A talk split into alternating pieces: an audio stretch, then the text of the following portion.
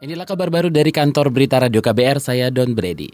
Jurnalis investigasi Amerika Serikat Alan Nairn siap menghadapi tuntutan hukum yang diajukan Partai Gerindra menyusul tulisan di blognya yang mengungkap dugaan pertemuan pada 21 Desember tahun lalu di kediaman Prabowo Subianto. Dalam tulisannya Alan menyebut pertemuan yang diduga dihadiri sejumlah petinggi militer dan politisi pendukung Prabowo merencanakan sejumlah agenda yang membahas kemungkinan jika Prabowo menang dalam pemilu presiden 2019. Alan menulis beberapa agenda di antaranya melakukan penangkapan terhadap lawan-lawan politiknya, termasuk para pendukungnya dari kalangan Hizbut Tahrir Indonesia atau HTI dan Front Pembela Islam atau FPI.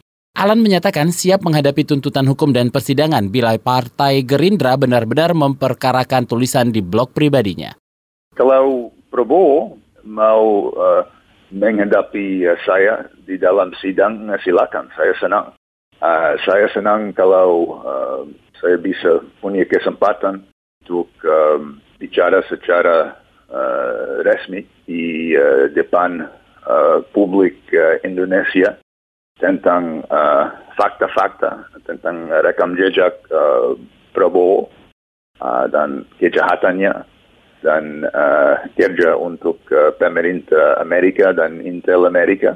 Uh, itu bisa jadi uh, forum forum publik. Jurnalis investigasi Amerika Serikat Alan Nairn mengatakan dugaan adanya pertemuan pada 21 Desember 2018 di kediaman Prabowo Subianto diyakini kebenar kebenarannya. Alan menegaskan sudah melakukan verifikasi kepada salah seorang peserta pertemuan itu. Alan merilis laporan itu di blog pribadinya berjudul Notulensi Rapat Tertutup Prabowo Subianto dan Tim. Sebelumnya Wakil Ketua Umum Partai Gerindra Arif Poiwono menyatakan akan melaporkan Alan Nairn ke polisi atas tuduhan menyebarkan berita bohong atau hoax. Berita bohong yang dimaksud adalah laporan Alan tentang strategi Prabowo Subianto melemahkan lawan-lawan politiknya kalau terpilih sebagai presiden pada Pilpres 2019 ini.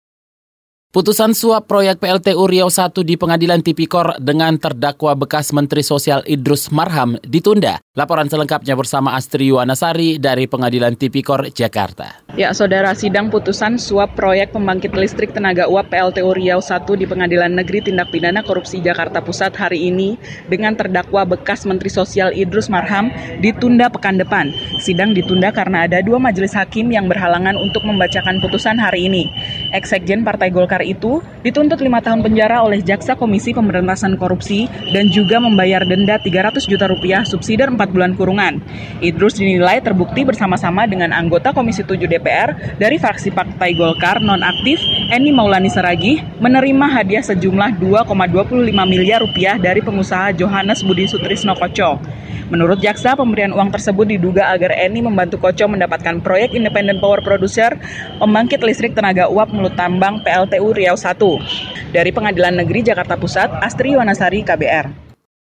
Saudara gudang tempat penyimpanan surat suara pemilu 2019 di KBRI Kuala Lumpur dan Sekolah Indonesia Kuala Lumpur atau SIKL dijaga ketat oleh aparat keamanan untuk kelancaran perhitungan surat suara pada Rabu 17 April. Penjagaan ketat tersebut menurut sejumlah staf di kedutaan mulai dilakukan semenjak pencoblosan selesai dilaksanakan. Ruang rapat di Penogoro dan Aula Hasanuddin yang menjadi tempat surat suara digembok rapat dan dijaga petugas keamanan dari kedutaan. Atas pendidikan dan kebudayaan KBRI Kuala Lumpur Muhammad Farid Mahruf tidak mau kecolongan dan menjadi pihak yang disalahkan apabila terjadi sesuatu pada surat suara tersebut. Ia juga memastikan jumlah surat suara harus akurat saat disimpan dan keluar.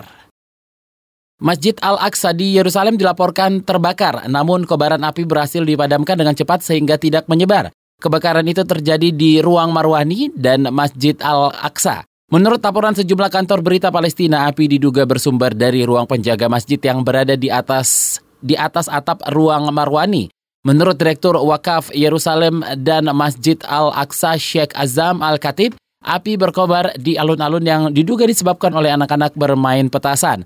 Ruang Marwani terletak di sebelah tenggara Haram Al-Sharif yang merupakan kompleks kubah batu dan Masjid Al-Aqsa. Demikian kabar baru dari kantor Berita Radio KBR, saya Don Brady.